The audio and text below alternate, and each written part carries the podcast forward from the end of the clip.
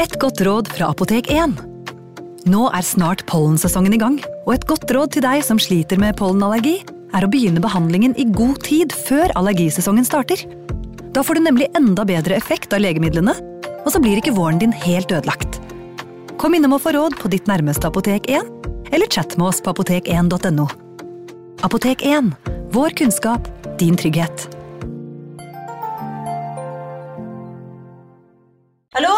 Jeg kommer fra Oslo politikammer.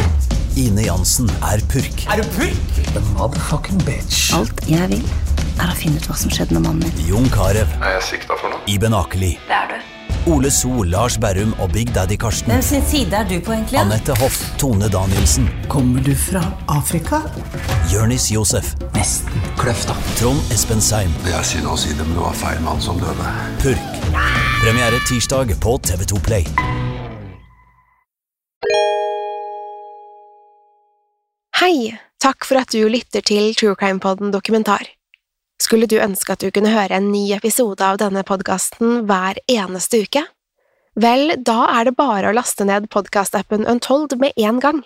I tillegg til ukentlige episoder av podkaster som Skrekkpodden, Synderne og True Crime Podden, får du masse annet reklamefritt og eksklusivt innhold. Last ned Untold i AppStore eller Google Play, og start din 30 dagers prøveperiode i dag. Det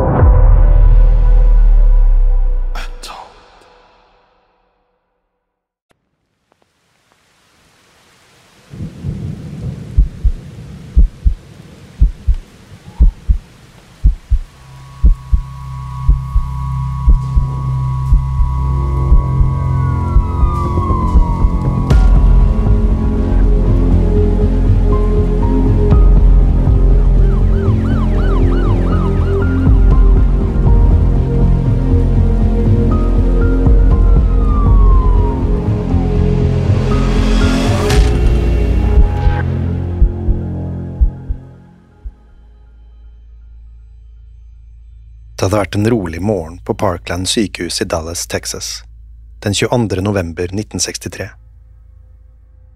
Pasienter hadde kommet og gått, uten de helt store dramatiske tilfellene. Flere sykepleiere satt henslengt i sofaene på pauserommet fordi det ikke var stort å finne på. De få som hadde noe å gjøre, stakk stadig hodet innom for å hente seg kaffe eller en kjeks fra kjøkkenskapene. At det var så uvanlig stille på sykehuset den dagen, hadde uten tvil sin grunn. En tid tidligere hadde det nemlig blitt annonsert at Dallas ville få celebert besøk denne ettermiddagen. Det var ingen andre enn president John F. Kennedy som var i området, og folk i byen var spente på å få et glimt av den populære presidenten. Den unge presidentens første periode i Det hvite huset nærmet seg slutten, og snart ville det være tid for et nytt valg. Demokratene hadde overtak i de fleste viktige stater, men Texas, som alltid hadde vært republikanernes territorium, var fremdeles usikkert. Selv om Kennedy var populær i store deler av USA, var likevel Texas viktig for å sikre seg en ny periode som president. Dermed gikk turen til den digre staten den vinteren, hvor Kennedy hadde planer om å holde politiske taler og offisielt annonsere at han aktet å stille til valg igjen. I dagene før den 22. november hadde nyheten om Kennedys besøk spredt seg over hele byen. Mange planla å samle seg i gatene den ettermiddagen, og flere hadde til og med tenkt å ta seg fri fra jobben. Det var ikke hver dag en president tok turen til Dallas, så dette var det verdt å få med seg. Personalet på Parkland sykehus derimot hadde ikke mulighet til å ta seg en fridag for å følge presidentens paradekjøring gjennom byen. De var pent nødt til å sitte klare, i tilfelle noe alvorlig skulle hende på sykehuset. Mens gatene fylte seg opp med titusenvis av mennesker, satt sykepleiere og leger og tvinnet tommeltotter. Det var ingen som så for seg at de snart ville få hendene fulle, i det som ville bli mange av sykepleiernes mest begivenhetsrike dag på jobb. Plutselig gikk alle alarmene på sykehuset på én og samme tid. Leger og sykepleiere ble beordret til å komme seg på bena med det samme og ta imot en ny pasient. Sykepleierne på pauserommet visste hva dette betydde. Noe svært alvorlig hadde skjedd, og nå hadde de ingen tid å miste. Uten å nøle ble kaffekopper og matpakker slengt til side idet pauserommene ble tømt.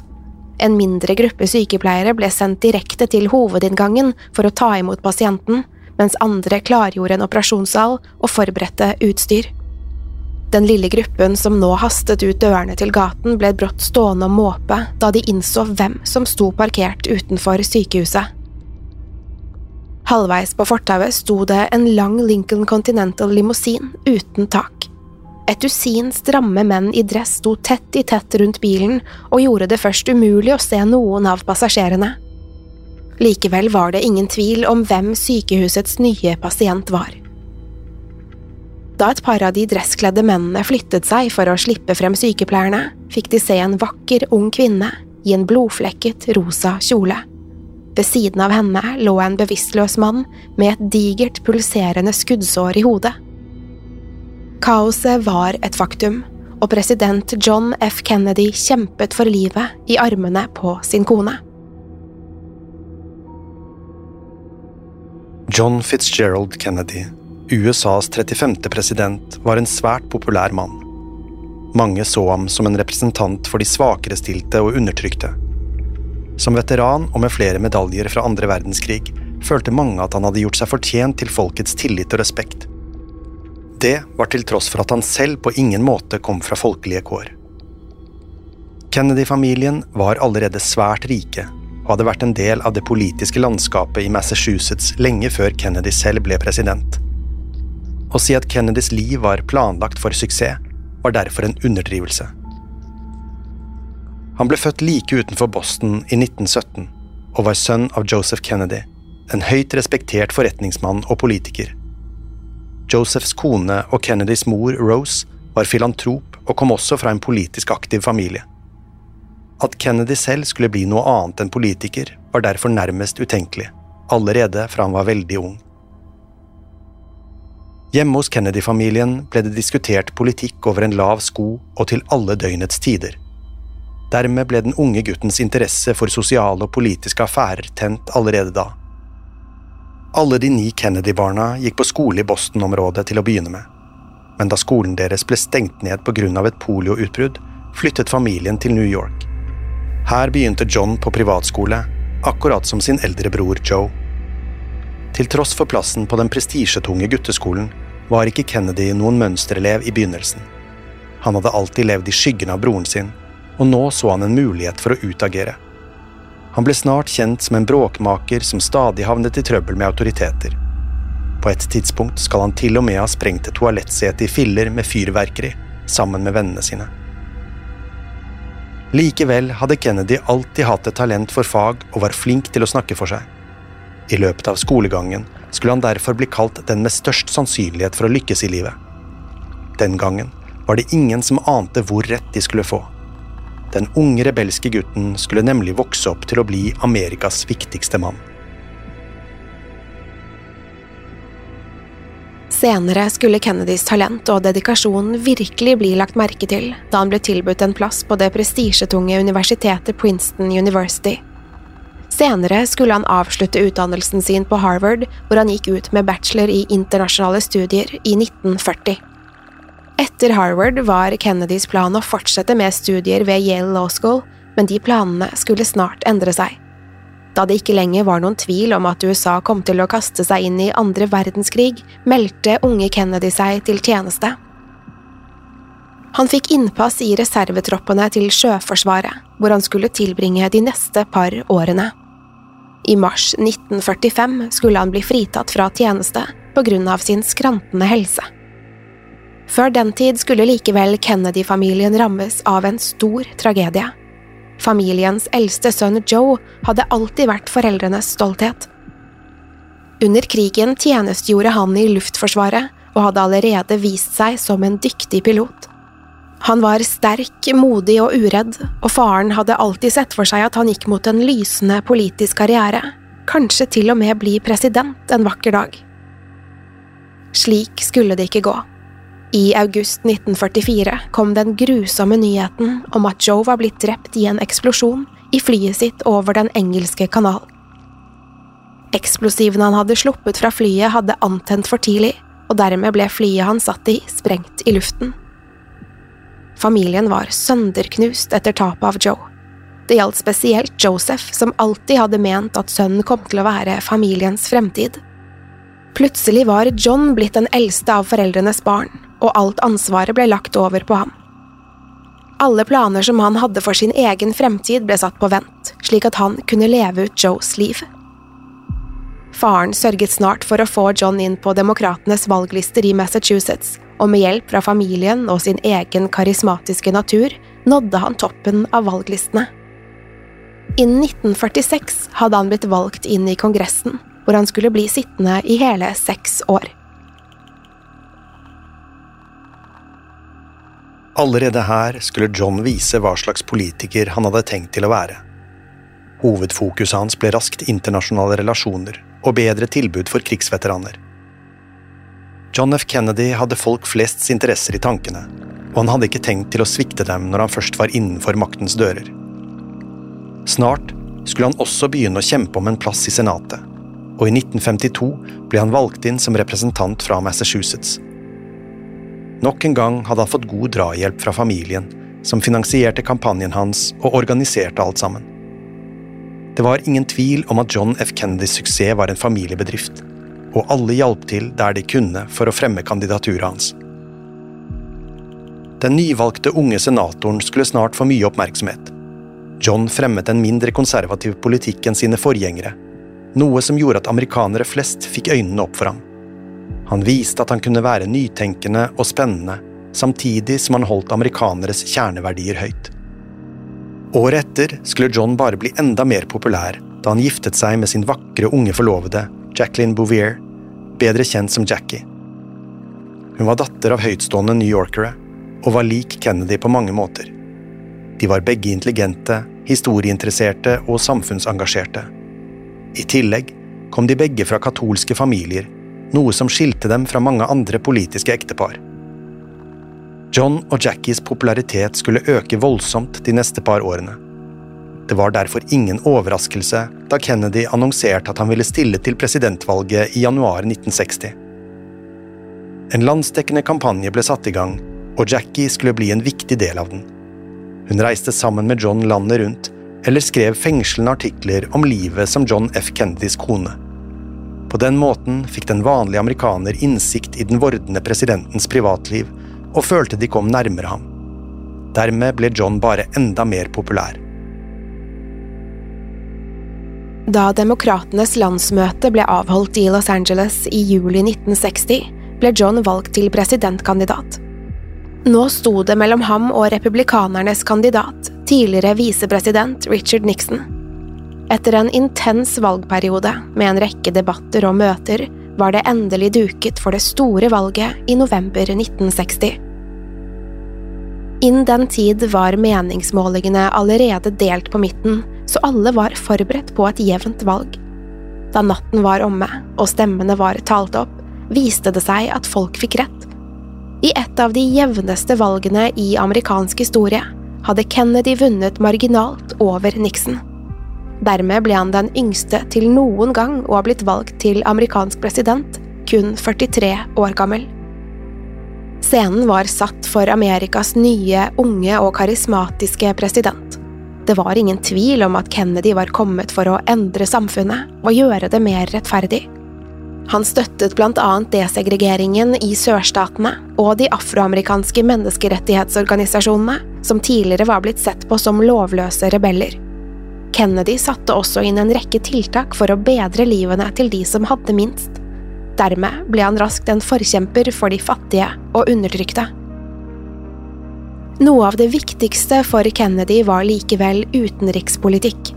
Den kalde krigen herjet verden over, og Amerikas erkefiende, kommunismen, sto sterkt flere steder, deriblant Fidel Castros regime på Cuba.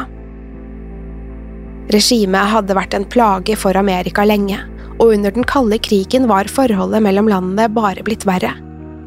Det var allerede planer om en invasjon av Cuba, med lokale motstandere av Castro og CIA i spissen. Målet var å styrte kommuniststyret i landet og ta over makten, slik at Sovjetunionen ikke skulle ha allierte så nær Amerika. Det var Kennedys forgjenger, president Eisenhower, som hadde lagt de opprinnelige planene, men nå var det opp til Kennedy å godkjenne dem. I april kom marsjordren fra Kennedy, og kun noen dager senere ble invasjonen startet. Likevel skulle ikke Kennedy godkjenne bruk av luftangrep under invasjonen, noe som i ettertid skulle bli kraftig kritisert. Da invasjonen startet, skulle det bare ta noen dager før cubanske myndigheter hadde slått tilbake. Invasjonen var en fiasko, og en rekke styrker ble drept eller tatt som krigsfanger. Nå var det mange som klandret Kennedy for utfallet av invasjonen. CIA mente at fraværet av luftstyrker hadde gjort hele forskjellen. Dermed skulle den mislykkede aksjonen gå hardt utover Kennedys rykte og popularitet. Selv om han senere skulle få landet gjennom Cuba-krisen, i oktober 1962, da det ble oppdaget sovjetiske utskytingsbaser med atomraketter på Cuba, var det for sent for mange. Flere mente Kennedy ikke var aggressiv nok i forhandlingene sine, og mange ville slå ned på kommunismen med makt heller enn å slutte fred med fienden. For noen ytterst få fantes det kun én sannhet. De var i krig, og å slutte fred med fienden var synonymt med forræderi. Likevel skulle mange hylle Kennedy for måten han hadde håndtert Cuba-krisen på. De aller færreste ønsket seg krig, og likte at han hadde funnet en fredelig løsning på den skremmende situasjonen. Kennedy var ingen pasifist, og han påsto heller ikke å være det. Likevel virket det i det minste som han foretrakk fred over krig. Alle som hadde noe med amerikansk krigføring å gjøre, viste seg snart som alt annet enn tilhengere av Kennedy og hans regjering. Mange tjente store penger på å supplere amerikanske styrker med våpen og forsyninger, og likte dårlig å se Amerika bli trukket ut av diverse konflikter. Det hjalp ikke da det i 1963 ble lekket at Kennedy planla å trekke amerikanske styrker ut av Vietnam. Kennedy hadde heller ingen venner blant de kommunistiske styrene. Selv om han hadde vært med på å løse konflikter uten bruk av makt, var han fremdeles leder for kapitalistiske Amerika, og dermed deres erkefiende. Med tiden fikk Kennedy stadig flere fiender, både hjemme og utenlands. Håndteringen hans av utenrikspolitikk var grunnlag for mye frustrasjon blant en rekke amerikanere. Republikanere over hele landet kalte ham svak og var redde for at Amerika kom til å miste ansikt utad. De hadde allerede etablert seg som en militær stormakt i verden, men nå kunne alt rakne. Om Amerika ikke var til å frykte lenger, hva kom da til å skje? Mot slutten av 1963 nærmet det seg en ny valgperiode, og tiden for å blidgjøre motstanderne var kommet. Kennedy innså at han var nødt til å vise seg i tradisjonelle republikanske stater for å vinne folkets støtte. På den listen var det en rekke sørstater, deriblant Texas, som ville bli viktige i det kommende valget. Kennedy hadde allerede tiltrukket seg flere texanere ved å velge Lyndon Johnson som visepresident. Johnson var selv fra Texas, og selv om han var demokrat, følte i det minste mange texanere at han var en av dem. Det hadde ikke vært det åpenbare valget for Kennedy da han stilte til valg i 1960, men det hadde vært en strategisk lur avgjørelse, nettopp for å vinne velgere fra sørstatene. Nå som et nytt valg nærmet seg, var tiden inne for å vise seg frem for de konservative texanerne igjen. Det var ikke en jobb Kennedy nøt, men det var nødvendig for å sikre seier i neste valg. Planen var å besøke flere byer i Texas i november 1963, hvor han skulle holde taler og offisielt annonsere sitt kandidatur for en ny periode. Den 21. november satte president Kennedy seg på et fly sørover, sammen med sin kone Jackie. Foran dem lå en to dagers turné gjennom fem byer i Texas. Nå skulle smilene klistres på og håndleddene få arbeide mens de kjørte presidentens offisielle paradebil gjennom gatene, en Lincoln Continental limousin uten tak. Turneen skulle begynne i San Antonio, hvor Kennedy skulle holde en tale ved en av Luftforsvarets baser. Deretter bar det videre til Houston, hvor det var duket for en middagsseremoni. Derfra skulle presidenten og hans følge ankomme Fort Worth, hvor de skulle overnatte på det historiske Hotel Texas. Den første dagen av turneen hadde vært en suksess. John og Jackie smilte til ivrige tilskuere langs gatene og holdt inspirerende taler hvor enn de dro. Sammen med et større følge med visepresident Johnson, guvernøren i Texas John Connolly og deres koner reiste Kennedy fra by til by og gjorde stas på lokalbefolkningen. Følget av flotte biler som kjørte sakte gjennom gatene var et unikt skue. Fremst kjørte en hvit Ford Mercury, med politi og presidentens egne spesialagenter. Deres jobb var å passe på presidenten og ta seg av eventuelle farer forfra. Om noen forsøkte seg på noe, ville agentene og politibetjentene i bilen være parate. Den andre bilen i følget var Kennedys egen limousin.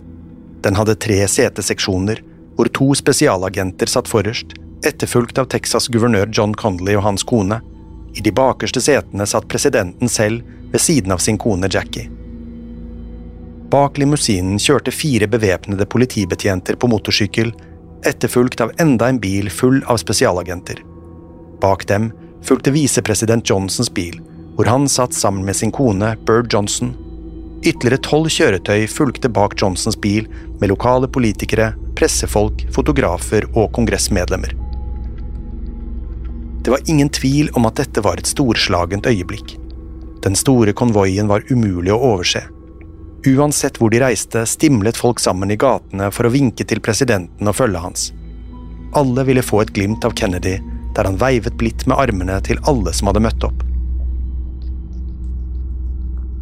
Etter en lang og krevende første dag av turneen trakk John seg tilbake til hotellrommet sitt med Jackie. De hadde enda en dag foran seg og var nødt til å være uthvilte om de skulle være like påskrudd. Den 22. november var den viktigste dagen av turneen. Det var nemlig da John skulle annonsere sitt kandidatur for den nye valgperioden. Morgenen etter var det duket for frokost på Hotell Texas i Fort Worth. Derfra var planen å reise til Dallas og Austin, før følget skulle avslutte helgen med noen avslappende dager på Lyndon Johnsons private gård i Johnson City. Fra Fort Worth reiste konvoien videre til Dallas. De landet på flyplassen Lovefield nordvest for Dallas omtrent klokken halv tolv den formiddagen, hvor bilene allerede var blitt satt opp i riktig rekkefølge.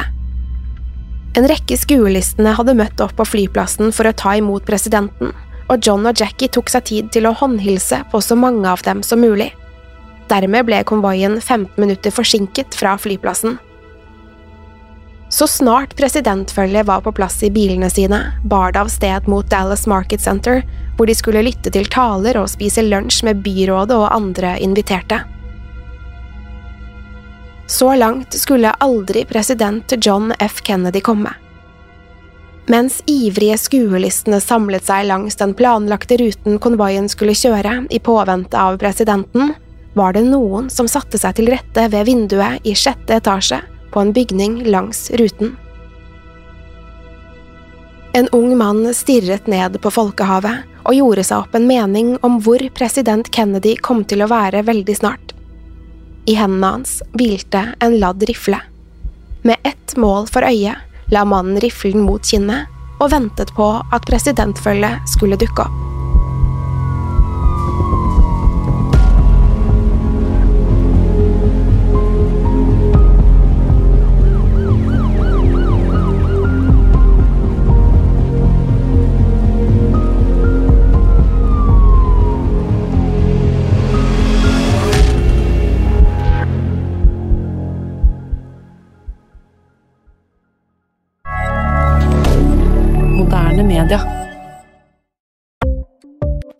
Ukens annonsør er Folio, en smartere banktjeneste for deg som har en egen bedrift eller ønsker å starte for deg selv.